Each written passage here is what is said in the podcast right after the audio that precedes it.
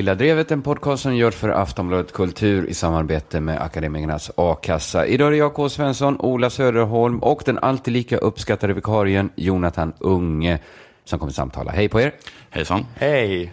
Du har varit med för Jonathan, Ja, mm, så du vet vad som gäller. Vi försöker hålla hög nivå, god ton. Ja. Inte spåra ur. nej. Nej. Nej. Som det, de gjorde när jag lyssnade på Juridikpodden med Mårten Schultz. Okej. Då lät det så här. Ehm, men sug kuk din dumma fitta. Mm, det var Mårten Schultz, Oj. professor i civilrätt. 2012 utnämndes han till årets jurist och årets lärare vid Stockholms universitet. Och han har en podcast där han sitter och Så säger sådana här saker. Eh, Nedlåtande saker om kvinnor och så vidare. Okej. Vilket språk? Ja, väldigt grovt. Var det din kvinnliga domare? Vad, äh, vad sa du? Som han riktade sig till? Eh, jag vet inte, jag kom liksom in eh, mitt i här. Jag, jag, jag bara kände jag klarade inte av att lyssna mer när det var så himla grovt. Han klarade inte av att höra sammanhanget de här orden sades i. Ingen kontext i världen kan rädda Det kanske rädda för att säga fanns. detta. Nej, jag tycker skulle inte jag vilja höra De den här kontexten. orden De står skulle liksom rädda det. som i järskrift. Står, heter det så? I eldskrift står de. Och bara för att påminna lyssnarna om vilka orden Mårten Schultz sa var, så kan vi lyssna här. Ehm, men sug kuk din dumma fitta. Aj, aj, aj, Mårten eftertryck också. Ja, han trycker på det ordentligt. Det är möjligt att det finns en kontext som motiverar det här. Det, det är den skulle möjligt. jag vilja se. Den skulle jag också vilja se faktiskt. Eh, det kanske passar i en eh, juridikpodd. Men knappast i en satirpodd va? nej, alltså de, eh, de är bara intresserade av att liksom hålla sig inom juridikens råmärken, men vi vill också... Vi vill Inom också moralens. moralens och den precis. so- sociala verklighetens Man får råmärken. såklart säga så här. Ja. De är, ju blinda, de är ju blinda för moral, juristerna. Det ska de vara också. Ja, så Det länge lagen följs. Det, jag tycker det är viktigt att de är det. Jo. Helt blinda. Eller för mig att Leif Silbersky ska ha sagt att han kan tänka sig försvara alla förutom knarkbrott. Stämmer detta? Det, jag, jag kan inte tänka mig att det stämmer. Jag, jag, vänder mig rätt, jag vänder mig direkt till dig Leif. Men menar han då Maila att, mig på... att så här Det är bara diffust Änglamannen... smutskastande av jurister här inledningen. ja, förlåt. Eh, sen har jag inte mer att börja med, förutom att jag har hört från nästan helt säkra källor att Chris O'Neill har fått elektronisk fotboja.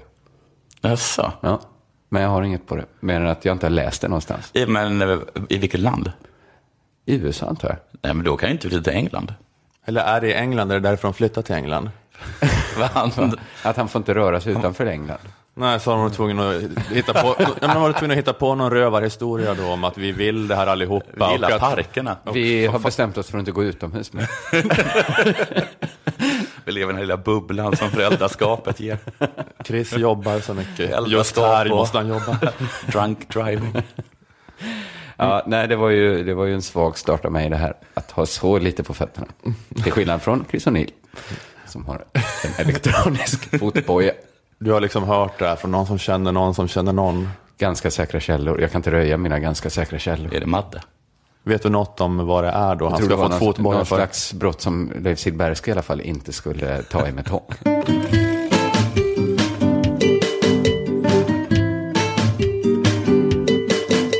Det pågår en flyktning, flyktingström, heter det så? Flyktingström. Det pågår en det pågår en, flyktingström. en ström av flyktingar. En så kallad flyktingström. Den pågår hela Den tiden. pågår. Mm. Och nu överraskande twist. I Sydamerika. Ah, Wow. du lyfter liksom Okej, ditt fågelperspektiv här. jag. 1400 colombianer har deporterats från Venezuela. Där ska man i alla fall inte vara, kanske man tänker. Och 17 000 har flyttat självmant. På grund av den ökande fientligheten från venezuelaner, eh, venezolaner mot colombianer. Aha. Ja. Det är deras Norgehistoria. Ja, det är det faktiskt. Gränsövergångar har stängts, undantagstillstånd har utlyst, utlyst vid, vid gränsområdet och militär skickats dit. Det hela började när en grupp eh, venezuelanska vakter blev beskjutna. Av colombianer. Ja, det påstår de i alla fall. Ja. Och sårade av eh, misstänkta colombianska smugglare. För att så här är det att i Venezuela så är många varor kraftigt, kraftigt subventionerade. subventionerade, vilket gör att smugglingen av basvaror blir en, liksom en lukrativ näring. Att saker som, som socker och mjöl och sånt, kostar ingenting. I, i I- Venezuela. Nej, precis. Så man smugglar ut det då? Så smugglar man ut det till Colombia, så okej. säljer man där istället till mycket, mycket högre pris. Smart. Mycket smart. Och Venezuelas president eh, Nicolas Maduro har också anklagat Colombias president Santos för att ligga bakom smugglingen. Som ett sätt liksom att sabotera eh, den. Socialismen. Ja, precis. Socialismen. Samt även anklagat honom för att försöka döda honom. Inte liksom han då, men att han har skickat någon. En hejduk. En hejduk, ja. Nu är det inte här första gången dessa länder ligger i fejd med varandra. Och i det här liksom konstiga gränsområdet som vi inte riktigt har kontroll över. Jag vet inte om du kommer ihåg när Farc och ELN var, eh, höll på som bäst. De är ju typ lite tilltufsade just nu. De är ganska lugna. Jag kan ingenting om Sydamerika, Nej, så titta aldrig mer sådär på mig. Men det har funnits ett gränsområde mellan Venezuela och Colombia som, som har varit oklart. ja precis. Och där har FARC-gerillan haft någon slags de facto makt. Ja, och eh, ELN har också varit det som jag tror de... Heter det området Peru? Ja, vi, kan, vi kan kalla det för Peru. det blir lättare för alla att få en bild. Och så, vad heter det andra? ILN? Ja, det, jag tror att det, är, att det är motsatsen till Farc. Okej. Alltså, det finns ju alltid en lika stor röv i Sydamerika. Ja, just det, men det för, för att det är FARC, är FARC en sån kommunistgerilla så finns det en fascistgerilla som heter precis. ILN. Och sen så har liksom colombianska, eh, colombianska armén ibland gått in och eh, gjort räder mot Farc i, på Venezuelas område. Så det har blivit bråk om det. Sen är ju också Venezuela och Colombia liksom två sådana himla motpoler, i alla fall politiskt, i Sydamerika. En är liksom eh, supervänster, kan man kalla det. Och en har i alla fall tidigare varit superhöger. Och ungefär lika, lika usla, Okej. Ja. har jag för mig. Jag, jag vet inte Nej. heller så jättemycket. Men... Vad bra, du kan bara påstå saker. Som hund och katt är de. Ni kan inte säga något annat. Ni kan bara nicka. och det har de varit sedan, dessa stater föddes. Det är som liksom när det är något uppsnack inför så här oceanska mästerskapen i fotboll. Man, man hänger inte med riktigt. Har Mikronesien en bra chans? Jag vet inte. Men om de påstår det så har väl... Absolut. Hur som helst, det är mycket lidande som pågår. Så, vem har rätt i den här konflikten? Vem är det synd om? Som vanligt när det kommer till Sydamerika, ingen. För visst är det så att man är himla trött på Sydamerika? Ja, Det är liksom ett, eh, en kontinent som var lite som Israel på, på 90-talet kan man säga. Alltså, fast inte, alltså, jag tror att det förr har varit lite, att det har funnits varma känslor mot Sydamerika. En vurm, en sorts kärlek mot det. I alla fall i vänsterkretsar. ja. Precis som att det var ganska coolt att vara israel eller jude på 1990-talet när det gick så bra med Camp David och sådana saker. Sen kom Gazakriget. Men, eh, ja, men man tycker att det finns eh, charmiga gerillor som har snygga uniformer och, Ja, precis. och, eh, och de spelar eh, rolig fotboll. De spelar ganska rolig fotboll.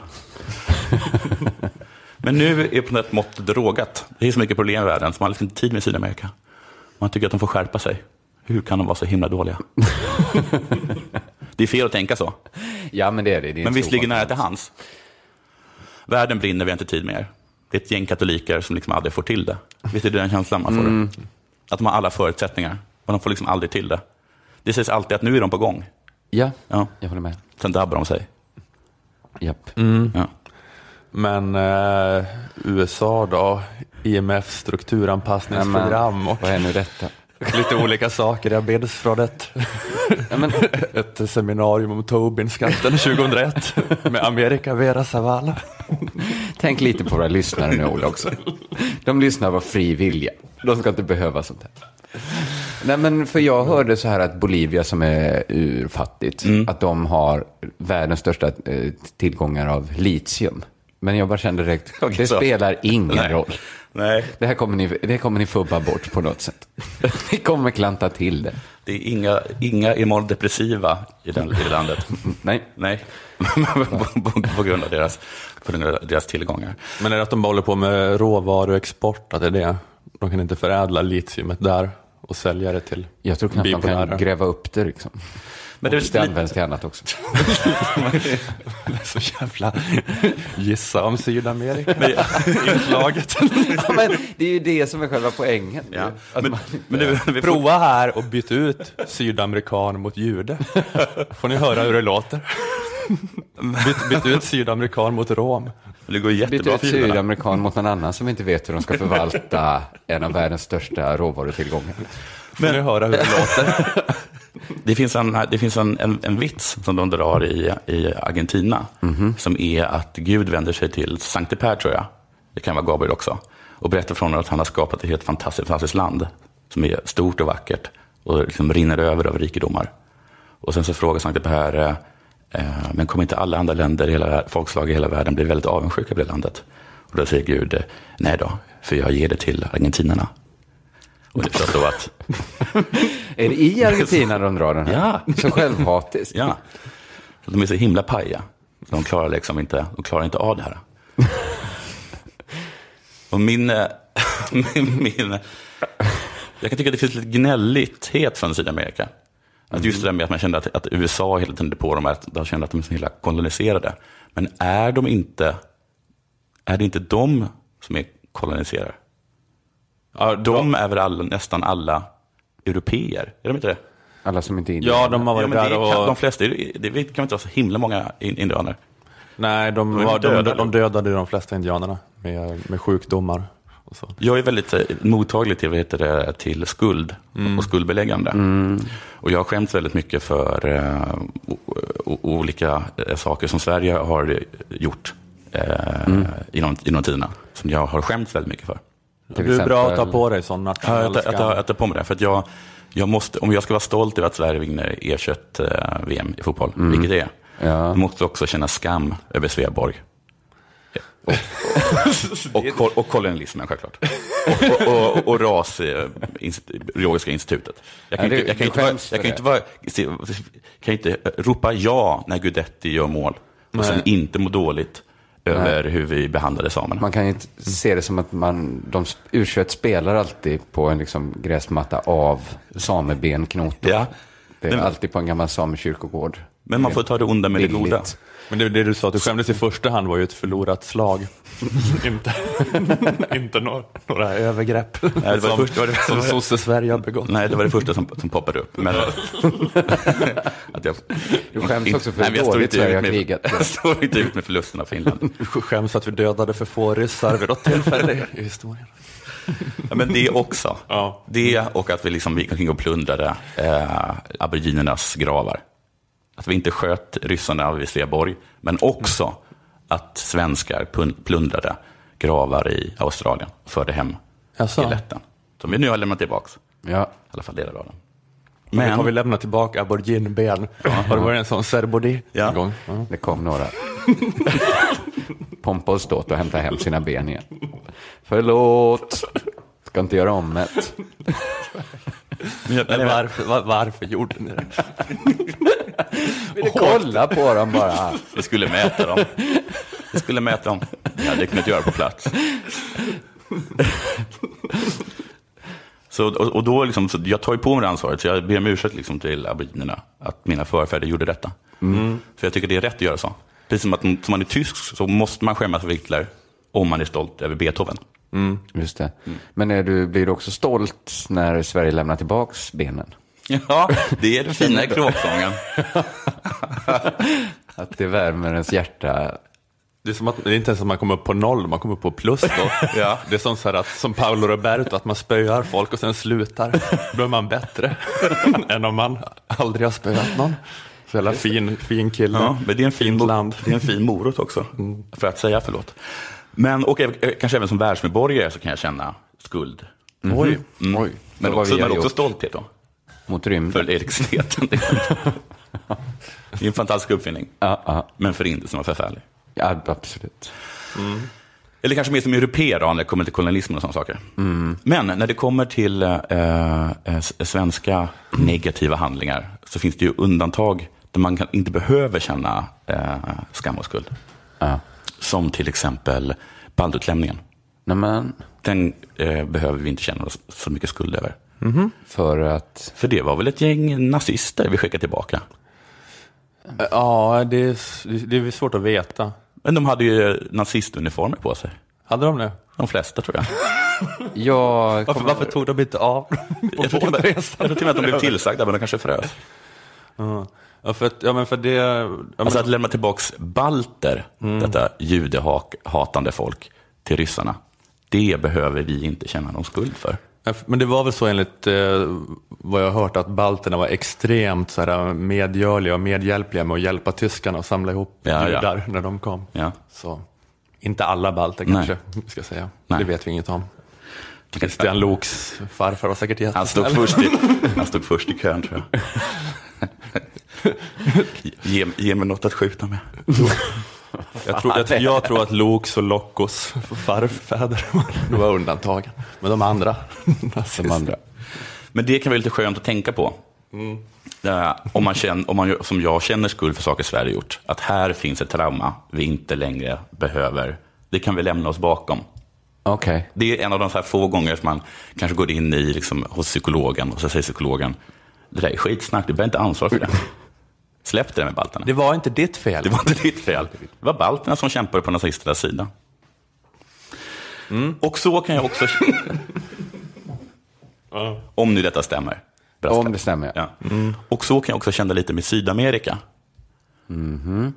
Att, man, att man känner sorts skuld för kolonialismen där. Men den behöver man inte känna mot de som är i Sydamerika. Nej. För de är ju vi. Ja, Alltså jag, jag kan känna det mot de här folkslagen som har slagits sönder, som dödats. alltså de här Men jag känner ju ingen som helst skuld mot de sydamerikaner som är i Sydamerika. För de är ju europeer. Alltså, men de är, de är kolonialister som blir kolonialiserade sen. Ja. Så får de det bara i röven. Ja, precis. Men det här tror jag så stämmer för alla folk. För så är det till exempel också Sydafrika. Alltså den svarta befolkningen i Sydafrika är också kolonisatörer från början. Men vad skönt att inte känna, behöva känna någon skuld för det. För att, Tack Ola. För att liksom, de kommer från, de kom från liksom en högre stående afrikansk kultur i centrala Afrika och gick ner och så här, dödade alla bushmen eller några pygméfolk Mm. sånt där som fanns i Sydafrika. Så, att, eh, så, så, så, där, eh, så det är nästan med allt. Alltså, det är väldigt få folk man ska tycka synd om tror jag, om man tänker så. Ja. För att det har alltid varit att den starkare äter den lite svagare genom all historia. Så det är väl bara då liksom det minst utvecklade folket i världen som man inte ska tycka synd om då. Ja. Alltså man ska tycka synd om. Ja, så man ska tycka synd om, precis. Man kanske ska vara stolt över sin eh, eh, koloniala historia. Att det betyder att ens förfäder hade något. ja. Att han kunde ta andra. Men just Jag liksom, vet man behöver vara stolt över det. Nej, men om man ska inte- känna skam. Man kanske varken behöver känna skam eller stolthet då.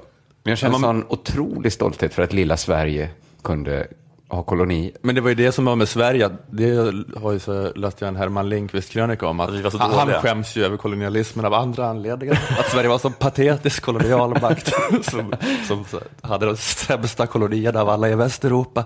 Och hade någon sån här koloni som vi inte fick ut några rikedomar ut, utan som bara kostade oss pengar, för det var så dyrt att upprätthålla den. Är den Sankt Bartolomeus? Ja, just det. Mm. Men varför göra någon sorts kort återknytning? Denna, I denna segeryra. så liksom, i den här konflikten då, så de som det är synd om, för att den enda gången som de verkar ha kommit helt bra överens, colombianer och venezuelaner, det är när de gem- gemensamt har förtryckt ursprungsbefolkningen i det här området. Vayu, de finns fortfarande kvar där. Så är det någon det är synd om, så är det Vayu. Så till El Vayu vill jag säga, jag ber om ursäkt, förlåt, för att colombianerna och venezuelanerna är sådana rövar. Du som liksom Som världsmedborgare, bärare av och den, kanske av europeer. Som europe. ja, bärare av den europeiska rasismen. Den som du liksom har dragit nytta av och som de har drabbats av. Ja. Jag kan Förlåt. känna liksom att sydamerikanerna förtjänar den amerikanska imperialismen. Så som de, så som de har behandlat ursprungsbefolkningen. Ja. What goes around comes around. Precis. Men vem ska straffa Man sår det man skördar.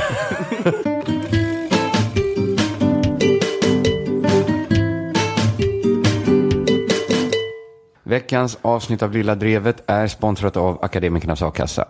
Och det tycker vi känns väldigt tryggt och bra.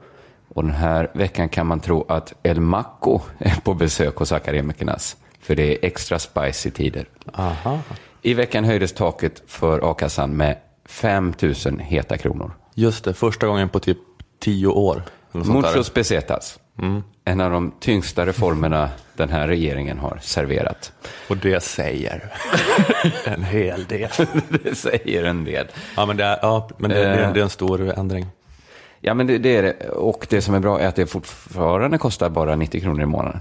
Att vara med just Akademikerna. Sen finns det finns säkert andra jättebilliga a-kassor, men de sponsrar inte den här podden. Så de Kan ta sig i röven.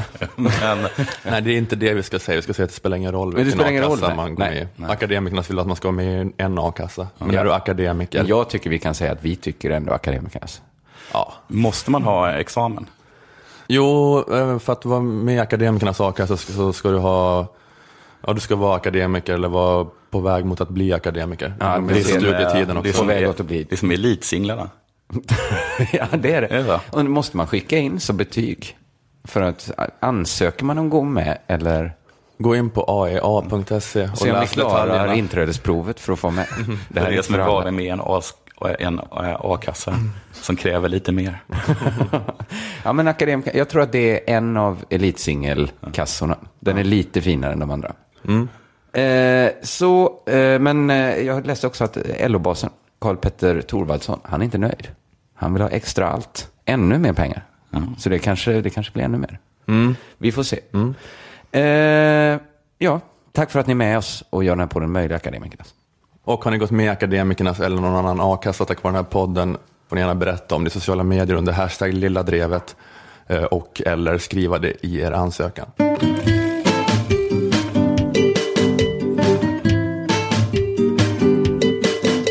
Jag har försökt eh, sätta mig in i flyktingkrisen lite. Den riktiga flyktingkrisen Ja. Jaha. pratar vi om nu. Alltså inte den i Colombia, Venezuela. Nej, den i Euroasien. Eh, och eh, det, är- det är skönt att slippa vara den som bestämmer, känner man. Det är skönt att bara slippa tänka på den. Just det. Så- Det blir lite svårare att, att skilja på rätt och fel om man ska hålla på att ta reda på saker om den. Det är skönt att, man inte, att det inte är ens fel, kan man säga. Att det blev så här. Precis. Att man inte är ytterst ansvarig för den situation som uppstått. Eller är den det? Som vi drog gränser.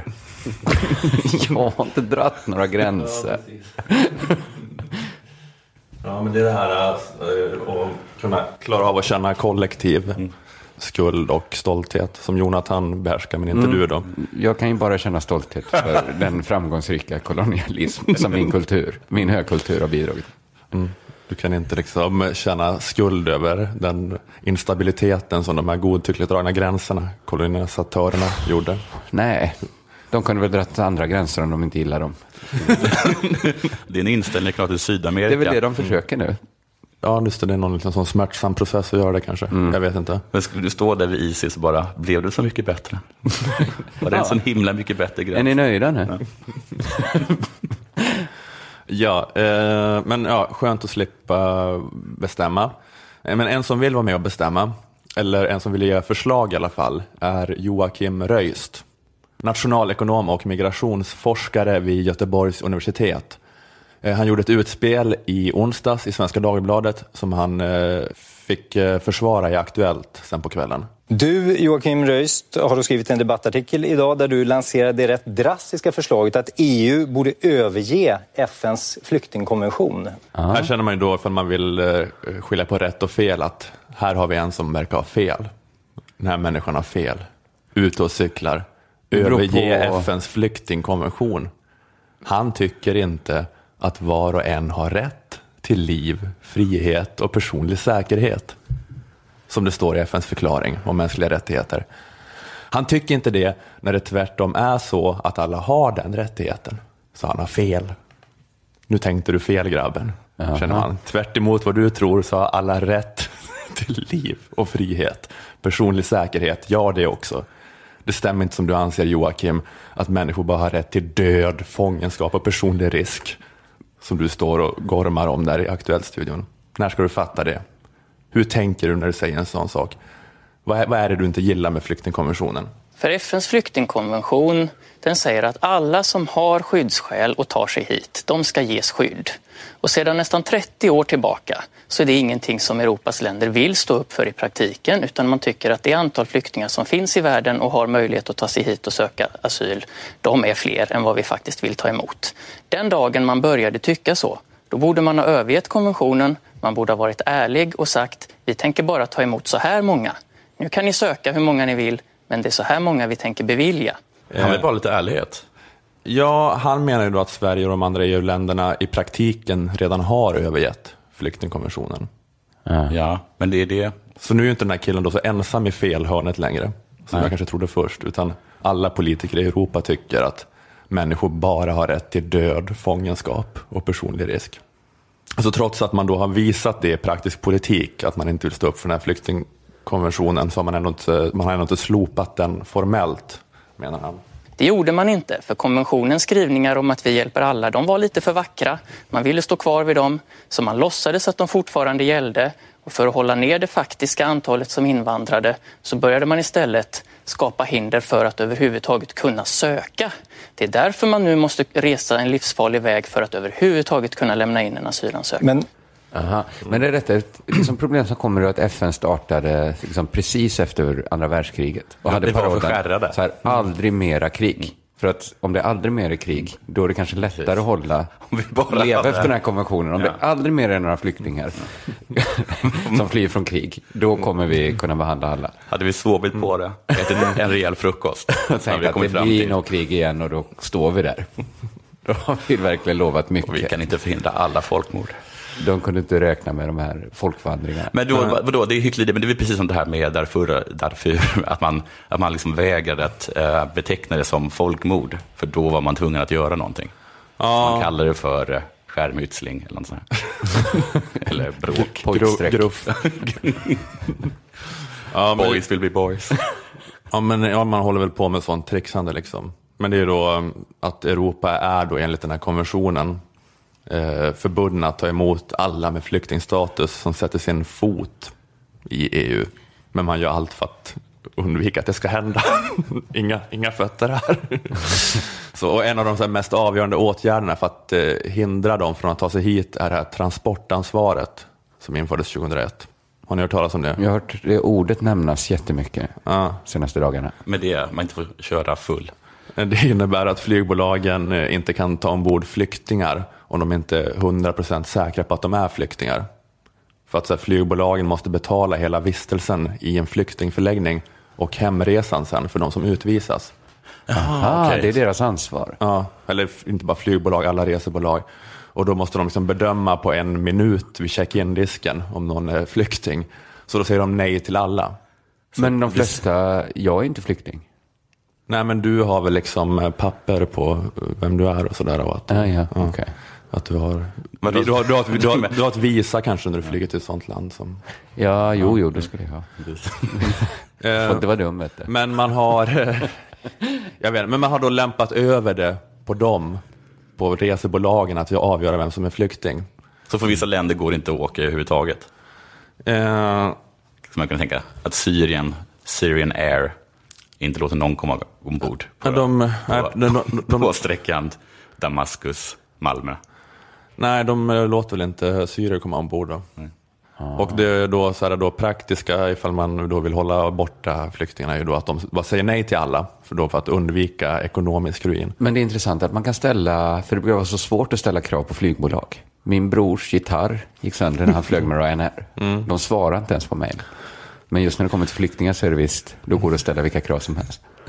Men just det, det borde ju också göra det väldigt svårt för länder att kräva in de där pengarna. Om de inte ens svarar på ett mejl om en trasig gitarr. För det tror jag liksom Varför flygbolagen skulle de då vilja? gör bara business as usual. Ja, just det, men det, det är kanske det som är tricket för att komma runt det här då att, eh, att uh, Ryanair kan flyga Ja. syriska flyktingar in i Europa. Och för att de så här, bara telefontid tisdag mellan halv två och två, någon sur tadd på Irland liksom. Millions of people have lost weight with personalized plans from Noom, like Evan, who can't stand salads and still lost 50 pounds. Salads, generally, for most people, are the easy button, right? For me, that wasn't an option. I never really was a salad guy. That's just not who I am. But Noom worked for me. Get your personalized plan today at Noom.com. Real Noom user compensated to provide their story. In four weeks, the typical Noom user can expect to lose one to two pounds per week. Individual results may vary. 29-90 minuter och ringa. Det är dyrare, det är dyrare att ringa dem än att bara ta över kostnaderna. Ge dem hus och mat. Ja men precis. Det, här, eh, det, är- det är så här tjafsa med Ryanair. Posten i budgeten kommer kosta mer pengar för staten än flyktingposten. Snart. Bara flygskatterna går på mer än... Om vdn vägrar ta ansvar för lättklädda kvinnor i sin kalender så kommer han ju inte ta ansvar för alla somalier som han kör in. Det vet mig säkert. Ja, där tror jag vi kan vara helt lugna. Ja. Ja, vi får hoppas att det blir fler Ryanair-linjer från Mellanöstern då. eh, in i Europa. säger ja. Ja, men det är i alla fall då eh, så, eh, bland annat då med det transportansvaret, som man har löst det dilemmat då med att man inte har kunnat överge konventionens vackra skrivningar om att vi ska hjälpa alla, men att man då å andra sidan inte vill hjälpa alla. Nej. Man vill inte överge de vackra skrivningarna. Man är en sån sucker för vackra ord. Ni vet hur europeer är. Det finns en lång tradition av att älska ordet. Kan inte bara överge en, en eh, fin formulering. Men konsekvensen blir då att vi säger eh, alla som kommer hit och har giltiga skäl får asyl. Sen gör vi då allt för att de inte ska få komma hit. Vi säger så här, kom, kom och ta den då. Ta asylen då. Vill du inte ha asylen? Kom och plocka. håller någons mössa i ena handen, håller bort den med andra handen. Men ta den då. Är det så att man har Du bara tar det. asylbeskedet bakom ryggen? Då får de välja en hand. Tom. Den finns bak. Den är gratis. Vad är det du har i örat? Inte ett asylbesked. Ja. Ja, men, men Joakim Röists förslag är då att istället för att ge citat alla flyktingar asyl så ska länderna istället bara säga en siffra om hur många de vill ta emot. Eller att man kanske ska komma överens om det på EU-nivå, vilka siffror de olika EU-länderna ska ha. Det tycker jag låter smart. Annars är det alltid någon som säger noll. Ja, just det, det är det som är jobbigt nu, att det är så många som säger noll. Ja. Men, men, men tänk så att Sverige kanske säger, ja vi säger 50 000. Vi tar emot 50 000 i år. Eh, Och då blir det oviktigt var asylen söks. Alltså man kan söka på en svensk ambassad eller vid EUs yttre gräns. Eh, Och man får då veta om man har asyl innan man åker till Sverige, eller vilket land man åker till. Och man behöver då inte göra den här riskabla resan och dö på Medelhavet. Men va? det är så himla dumt. Varför skulle det göra det? Om, om, om, alltså, om man eh, liksom annonserade att vi kommer ta emot så här många, så ni andra behöver inte komma. För nu vet ni det. Skulle de inte komma då? Alltså de kan ju fortfarande komma, fast då vet de om att de får leva under jorden som illegala. Nu kommer ju alla ändå med ett ganska stort hopp, Ja. eller med ett, ett sannolikt hopp ifall de är syrier, att de kommer få asyl när de kommer hit. Men enda sättet att få veta det är att göra den här riskabla resan. Så nu ska man då få veta det innan den riskabla resan. Men antagligen är det så att även med det här systemet skulle folk föredra kanske att leva som papperslösa. Ifall det var det enda alternativet, eventuellt. Men han menar då att möjligheten att söka på distans, det kommer aldrig införas inom det existerande systemet. För EU är då inte berett att ta emot alla de som har legitima skyddsskäl som då skulle söka. Alltså EU vill bara upprätthålla flyktingkonventionen om att alla ska få skydd så länge döden på Medelhavet finns som en bromsande effekt på inflödet av folk. Eh, och att asyl på distans bara kan då införas i kombination med ett politiskt beslutat tak för den totala asylinvandringen, menar han. Eh, och om det skulle vara så här att det är den här snubbens linje man går på, då är man ju verkligen glad att, över att slippa vara med och bestämma, eh, känner jag, om flyktingpolitiken. Alltså bestämma den här siffran. Hur många ska vi ta emot? Sitta där på sossarnas verkställande utskottsmöte och försöka verka fram en siffra. 60 000, 70, 120 000, jag vet inte. Vad säger du Gabriel Wikström? Du är bara ett vanligt svenskt barn i kostym som har gett en ministerpost. Kan du bestämma över liv och död? Vill du vara skaparen och förgöraren? Det, Ja, men det, ja, Man men, skulle ta en jämn siffra. ja, det kan man ju tycka. ja, det det är en konstigt början. att ha en alldeles för ojämn, för det låter det som att det är liksom ett också- väldigt så här, det är ett gäng man gillar. och ett gäng man inte gillar. Men det är inte så att om man säger en jämn siffra så säger alltid någon som säger det där hittar du bara på. Men säger man Ja. 61 789 då tänker alla okej. Ja, ja, det finns olika förhandlingstaktiker säga. Såg ni på Agenda i söndags? Nej. Så reportage om Assads terrorbombningar i Syrien. Att eh, Assads armé har helikoptrar som flyger på hög höjd över rebellkontrollerade områden och släpper oljefatsbomber. Ja. De hade en film inifrån en sån helikopter, det var så primitivt. De bara så här flög och så satt en, en snubbe och bara knuffade ut bomben ur helikoptern. Eh, aha. och det är så här inte i närheten av fronten utan de flyger liksom över städer och bara släpper de här oprecisa bomberna så det är bara så slakt på civila. Eh, de har dödat så jävla, jävla, jävla många. Och jag tänker, det är jobbigt att vara Magdalena Andersson och ha sett det reportaget och sen sitta så här med papper och penna med budgeten. Så här, ja, ska man avsätta pengar och höja siffran till 80 000? Om vi stryker byggandet av ett av JAS-planen, har vi råd med 10 000 syrier till? Hur ska man väga det här mot varandra? Ja, det är mycket tänker jag. Det är, så jag är glad att slippa liksom ha den då. Det känns skönt. Att jag får ta den pucken. Och om det skulle bli så. Vad är det betalt? Ja, de har väl ganska bra betalt, pol- politikerna i och för sig. Tjänar men väl det- en hundra papp i månaden. Ja, men det är ändå ett jobbigt jobb som ingen, ingen runt det här bordet vill ha. Men jag skulle kunna tänka att ta mig just för att det är ett sånt omöjligt jobb. Om folk får, alltså, de ställer mig till svars, vad ska jag säga? Vad ska jag, vad ska jag göra? Det är ett omöjligt jobb. Vill du ha det? Nej, jag tänkte väl det. ska man göra? På 90-talet var det populärt så här att visa vilket slumpspel börsen var. Så här, så här, apa fick kasta pil. att man liksom gör något sånt. En kaktus får bestämma. Att det visar sig att, att den här schimpansen på Kolmården är lika bra på att sätta Sätta en flyktingkvoter. flyktingkvot som Magdalena Andersson. Här är bläckfisken eh, och då. Han simmar alltid till rätt flyktingkvot. Det är helt sinnessjukt. Han har haft rätt varenda gång. Lika rätt som Magdalena Andersson. Det borde inte funka likadant tycker jag. Det borde inte vara samma. Men kanske bara skulle vara en lättnad för alla och skyffla över ansvaret. På en, på en bläckfisk. Bläckfisken Otto. Jag kan också få vad den förtjänar. Man kan döda den eller någonting. Men, eh, ja, men i alla fall då så att den här snubben och eh, EU-länderna i allmänhet, de är ju då emot FNs flyktingkonvention. Eh, De är för död, fångenskap och personlig risk. Men finns det då ingen som står upp för FNs flyktingkonvention? Eh, Jo, S-märkte statsvetaren Ulf Bjärel var också med i Aktuellt-studion. Eh, Och han och några andra akademiker hade gjort ett utspel samma dag som Röist om hur flyktingkrisen ska lösas. Eh, Och det gick ut på att man bland annat ska avskaffa då det här transportörsansvaret. Att alla bara ska kunna flyga hit och kolla om de har asyl.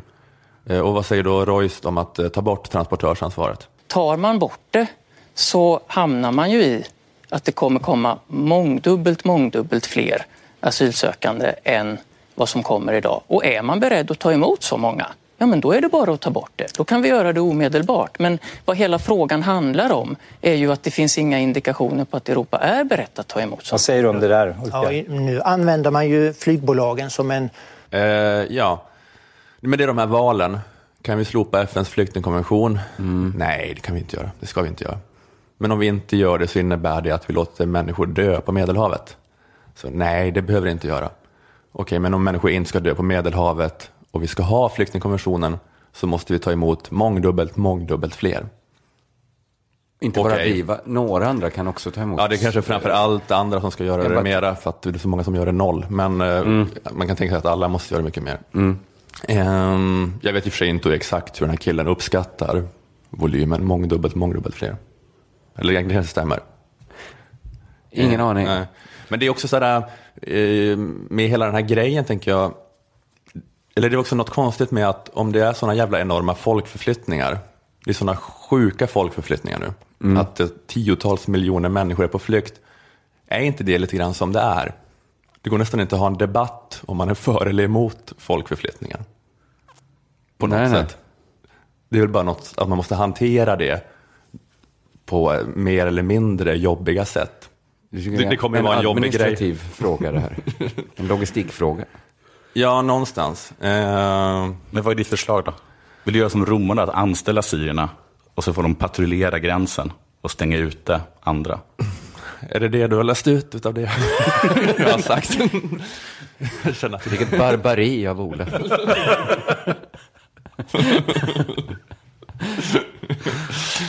Det är det, Och det, är det jag känner, känner i mitt har- is- iskalla hjärta. Din röst i allmänheten har ett ansvar, du vågar säga något sånt. Ja, men det är något så här, men jag tänker att, att i längden att det är hopplöst att hålla på och argumentera bort att så många människor är i rörelse. Eh, Och jag tänker att de kommer inte försvinna. Jag tänker att det bara kommer bli värre. Vad en jävla Hans Rosling säger.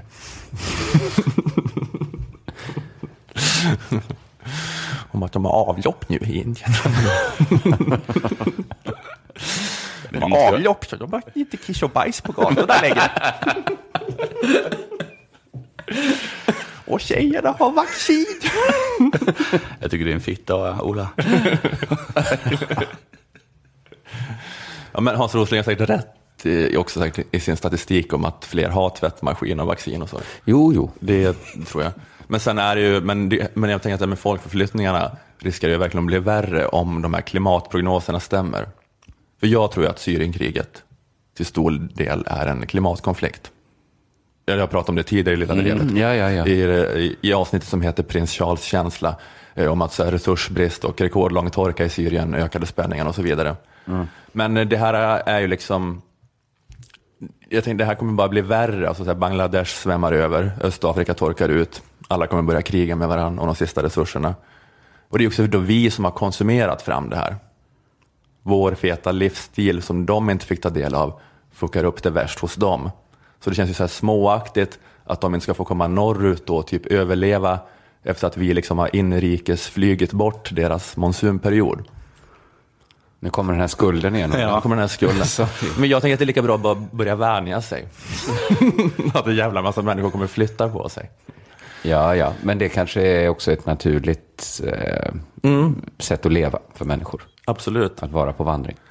Ja, Människor det, blir nomader Det var ju så tills, eh, tills vi lärde oss att domesticera vetet. Men nu återgår vi då till nomadsamhället. Det blir ett litet, det kan se ut som ett steg bakåt. Men en som kommer vara jätteglad i den här Lasse, vad heter han, Lasse Berg han är. Just det. Just det. Han, han säger att allt skit började då. Han, det finns ju ingen som hatar vete så mycket som honom.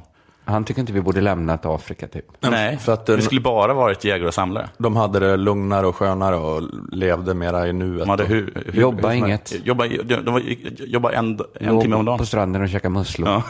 Hade det Jag gott. kallar dem jobb. Kom de tillbaka från jobbet. Legat i sanden och käkat musslor. Helt slut igen. Men det är, en- det, är Som kaler som, som sover i 20 timmar. Det är en fin framtidsversion då, att vi bara ska vandra längs den eurasiska kontinenten som, Ja. som gryningen väl kallar Kalahari-människorna. Ja. Fram och tillbaka. Lasse Berg sitter och, och, och, och han hjular i sitt rum just nu. Han, det kan han göra också för han har ätit sån stenåldersstek. Så han kan gå på händer. Alltså, han kan få tändra i spindeln. Ja, men jag, jag kollade befolkningstätheten i Bangladesh. Aha. Om det då är så att vi i framtiden måste ha samma då, befolkningstäthet. eh, Då kommer Sveriges befolkning vara 450 miljoner. Om alla i Bangladesh kommer till oss. Om den befolkningstätheten som är där måste vara liksom eh, här kring. Jag säger För- så för här, att- så många kan vi inte ta emot. Det är en för hög flyktingkvot. Jag tycker faktiskt det. Och ändå vill ingen bo i Norrland. Vi har fortfarande inte löst utflyttningen från Norrland. Vi är 450 pers och fortfarande kommer den här Hela Sverige ska leva-kampanjen att vara igång. Liksom. Hur fan ska vi få folk till Skellefteå? Det är brist på tjejer här. Det är 300 miljoner, 300 miljoner i, i Stockholm.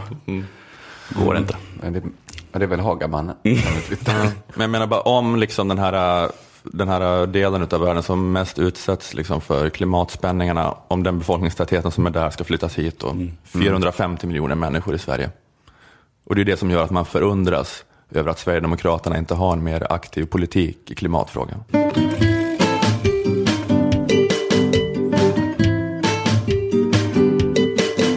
För två år sedan på sommaren på Gotland så Mm. badade vi under en eh, gassande sol.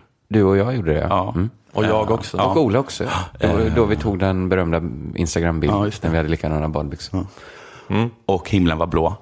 Eh, och du sa att om man gillade Painted Black så var man dum i huvudet. Jag sa det. Ja. Nej, jag, men jag har en spaning om Painted Black, att det är alla människor som inte gillar Rolling Stones. Ja! Deras favorit Rolling Stones-låt jag, är Painted Black. Jag tycker att det är den enda bra låten Rolling Stones har gjort. Och den I rest my Satisfaction case. också Ja. helt okej. Bra case, Ola. Mer sånt här i Lilla Drevet. Men, det är att man inte fattar grejen. Man bara Okej. gillar den här är undantagspop-låten. Ja, ja. gjorde. Mm. Ja, Men nu ja, har jag läst i tidningen Gaffa att Uje Brandelius gillar den låten. Ja, och han är också på min shitlist. Så du säger alltså att Dr. Cosmos är dum i huvudet? Men jag har inte använt ordet dum i huvudet. Jag har bara sagt att man inte fattar Rolling Stones. Fattar du? Rolling Stones. Ja. Vad är det här? Ni kommunister alltså, ni kan aldrig hålla sams. Alltid ska det dras upp linjer och utsätta folk för Men Ola är någon kritik. sorts Steffo Törnqvist. Vi gillar ett bra riff. Ja. En cigarr från sin egen, eget brand. Ja, liksom det här äh, hänget. Keith Richards har gitarrspelet på Exile on Main Street. Det fattar jag. Gåshud. Fattar inte ni? Eller Dr. Cosmos. Enkla, enkla människor fattar inte det. Hör vad han säger om det. Så ska en bra låt. Det här gunget. Ja, var det allt?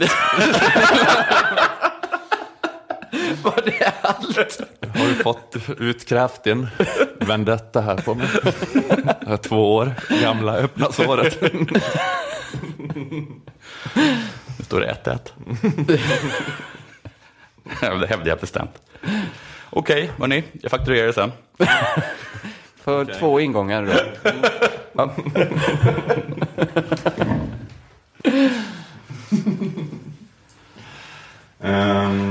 Okej, men och du har en kvar. Ja. Ska vi bara köra den? då? Ja. Nu ska jag cykla mellan två besvikelser. ha det bra. Ja, det är hej.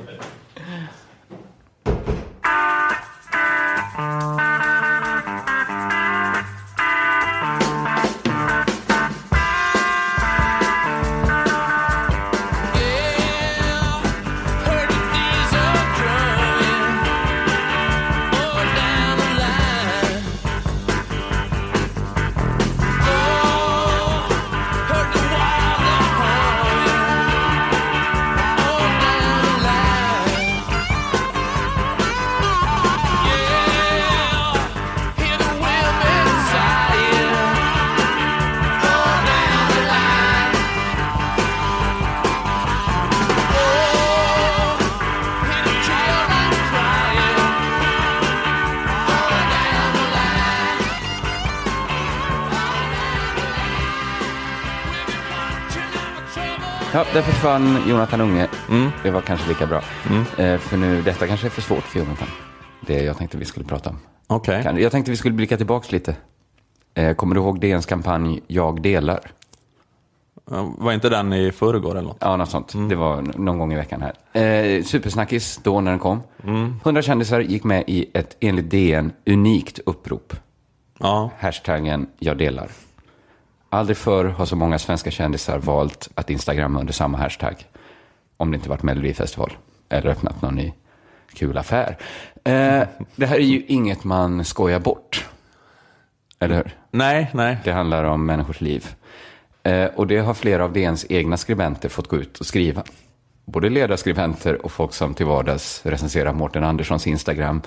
De har fått höra släpp det, men jag har fått tips om Mårten Anderssons webbhistorik. Jag sa släpp det. Eh, Så vi har fått massor du pratade om skribenterna på DN Kultur. Nej, men det var också någon ledarskribent. Vad heter han? Helmersson kanske? Ja, just det, det här med att man, eh, han skrev att, man, att det är fel att raljera över godhet. Att Ja. folk raljerar över godheten. Precis, Mm. men sen kom också på DN Instagram, hade en annan skribent också, samma case. Det är för mycket raljans över godheten, för mycket cynism. Mm. Eh, det är väl jättebra att hundra svenska kändisar skriver under på att de tycker det är dåligt med barn som drunknar i Medelhavet. Det är lite luddigt det här uppropet, och samtidigt inte. Men, men så här lyder det. Grundläggande värden som vi länge tagit för givna är satta under press. De måste försvaras. Vi står upp för medmänsklighet och humanitet. Vi tar avstånd från alla former av hat, hot och rasism. Kring alla människors lika värde finns inget utrymme för kompromiss. Och första impulsen är ju såklart att sabla ner det här. Kände du också den när den kom? Eh, ja, alltså, ja, det är så här att det är en eh, självklarhet och tycker man och så vidare. Men eh, jag, jag kan ju också förstå vad, vad ska folk göra? Alltså folk är ju enkla och folk ser en bild och reagerar känslomässigt och det är ändå det man har att jobba med på något sätt antar jag. Att, Jo, jo, men man kan ju välja att göra inget, eller så kan man göra något som motsvarar inget. Till exempel en kampanj som menar Kajsa Bergqvist, Sven-Bertil Taube, Sara Larsson, Marcus Wallenberg och Lal såklart. Det kliar ju i fingrarna. Men, det, det, men om, man ska, om man ska försvara kan man nog tänka att det, det, kanske ändå genererar mer pengar till Radiohjälpen. Det kanske gör att Stefan Löfven blir mera stressad och måste ha, ha ett möte med Angela Merkel. Men det fanns liksom inget 90-nummer i närheten av den här kampanjen. Men det, det, det kanske är att det är, att det är gruppboendet DN som ligger bakom.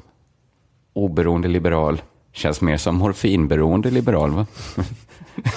som en liberal som ligger och klunkar i sig hostmedicin och bara svamlar. Är det en sån det är för en beroende liberal?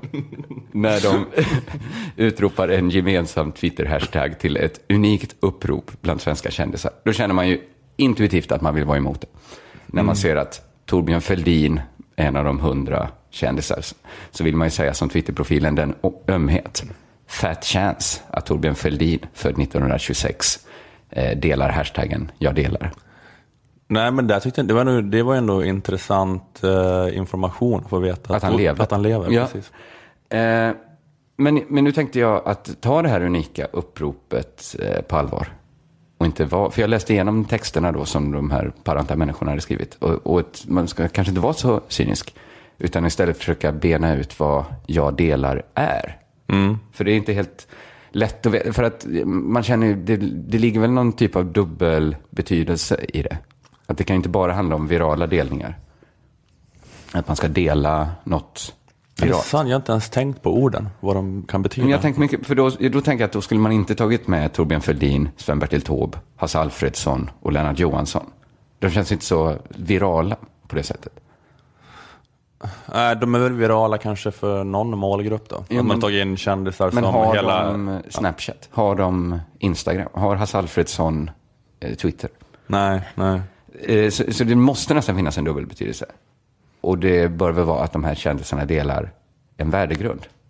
De grundläggande värden som vi länge tagit för givna är nu satta under press. Eh, och du har ju tidigare efterfrågat ett nationalistiskt projekt, Ola. Och det här kanske skulle kunna vara ett sånt. Där hundra svenska kändisar går ut och tydligt väljer sida. För vad är det egentligen Sara Larsson och Torbjörn Fälldin delar? De delar ju att de är svenskar. Mm. Det är ju egentligen det enda de har gemensamt. Det är det de delar. De är för upplysningsidealen och den västerländska humanismen. Vi delar samma värdegrund. Skulle detta kunna bli ett gemensamt nationellt, nationalistiskt projekt? Något vi alla kan dela. Eh, så här skriver Kerstin Ekman. Under århundraden har vi långsamt erövrat en humanism i vårt land. Ibland är den skymd, ibland djupt nedgrävd, men den finns där som en guldreserv. Det finns något svenskt som är värt att bevara. Humanismen. Bevara Sverige svenskt, var humanist. Björn Wiman skriver... De borde ha haft hashtag bevara Sverige svenskt. Det hade också kunnat vara en. bevara. Ett väldigt så, då går man verkligen på offensiven i det här reclaimandet. Det hade ju varit en, en stenhård hashtag av. Det kanske vi kan ha i Lilla Drevet om ni står upp för upplysningsidealen och för det Kerstin Ekman skriver. Precis. Så bevara Sverige svenskt är hashtaggen som, som vi och DN arbetar med. Björn Wiman skriver, för mig är en av poängerna med DNs upprop att påminna om den breda enighet som råder i det svenska samhället kring upplysningens cancer, kanske allra mest konstituerande tanke, den om alla människors lika värde. Det finns något svenskt, något vi kan dela. Det är upplysningens ideal. Den västerländska liberalismen. I det kommande kulturkriget står Lale och Sara Larsson enade tillsammans med Sven-Bertil Taube och Marcus Wallenberg. De är från olika ställen, unga och gamla, fattiga och rika. Men vi anser att de västerländska värderingarna är värda att strida för. Det finns något som förenar oss. Hashtag västerlandet. De har haft. Länge leva Europa. Eh, något som är större än klass och etnicitet. Och det är upplysningsidealen som alla riktiga svenskar delar djupt inom sig. Jag, jag kan ju gilla det här. Ja, Jag, jag har ju länge tyckt att det varit för mycket självhat riktat mot vår svenska kultur. ja. Och du har efterfrågat ett svenskt nationalromantiskt projekt. ja. Där andra Jag enas så- om... Jag var full förra veckan. Men okej. Men andra kanske enas bakom nationalromantiska idéer om ett folk med en religion och ett kalifat. Då väljer vi den västerländska liberalismen. Andra bakom nationalromantiska idéer om ett folk och en folkande. Och en, det är i och för sig lite det här också. Men det är väl inget fel, det är väl inget att vara cynisk över då, i och för sig. Nej, om man tänker nej. på det att alla står upp för upplysningsidéer och humanism. Och vi delar en kultur och en värdegrund. Det, det känns tryggt eh, inför kommande kulturkrig. Att motståndet mot de som hotar vår västerländska livsstil är starkare än något annat. Vi delar det. Ja, Lena Endre, Zlatan. Vi du, behöver, du behöver inte trilla över i korsredarretorik känner jag bara. Men absolut, jag tycker vi ska stå upp för det sekulära samhället. Vi ska strida enligt samma logik som Islamiska staten och de högerextrema rörelserna. Fast med milda, milda, milda metoder.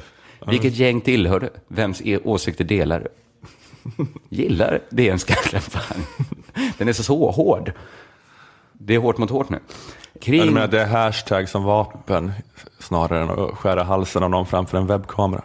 Exakt, det är mildare tycker jag. Men, men absolut. liksom, målet är detsamma. Kring alla människors lika värde World domination. inget utrymme för kompromiss. Inget. Gärna ett mångkulturellt samhälle så länge alla delar samma västerländska värderingar.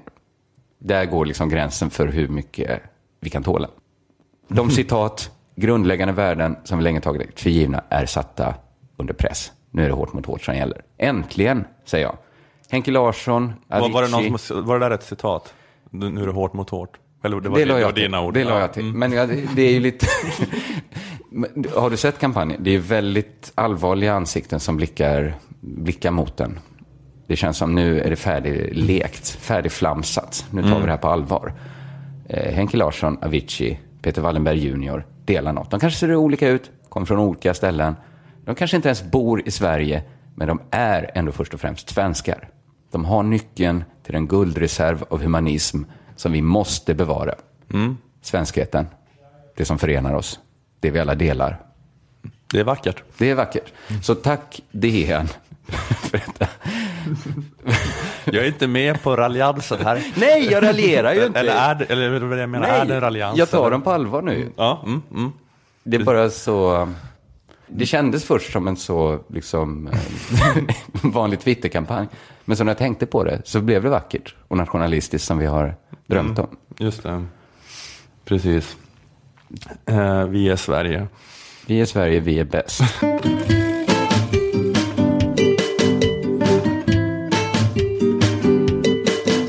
Just det här var lilla drevet för den här veckan. Tack Ola. Tack så mycket. Vi får tacka Jonathan också för två eh, väl underbyggda spaningar. Eh, och vi tackar Akademikernas A-kassa som stått för kulorna den här veckan. Och vi tackar, eh, tackar kanske vi inte gör, det är Aftonbladet Kultur, man tackar inte sin samarbete. Eller gör man det? Vi gjorde det här i samarbete med Aftonbladet Kultur. Ja.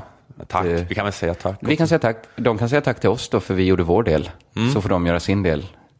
Eh, Skriva en puff Skriva en kanske. liten puff. Ja. Och, och ge oss lite pengar för besväret.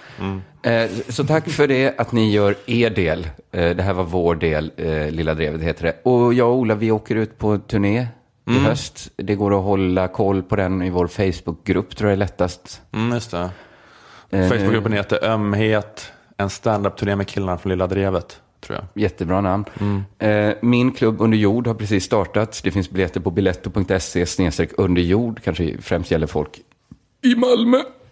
Ja, det är om detta. Ska vi tacka för oss där. Ja, tack så mycket. Tack för att ni lyssnade. Hej.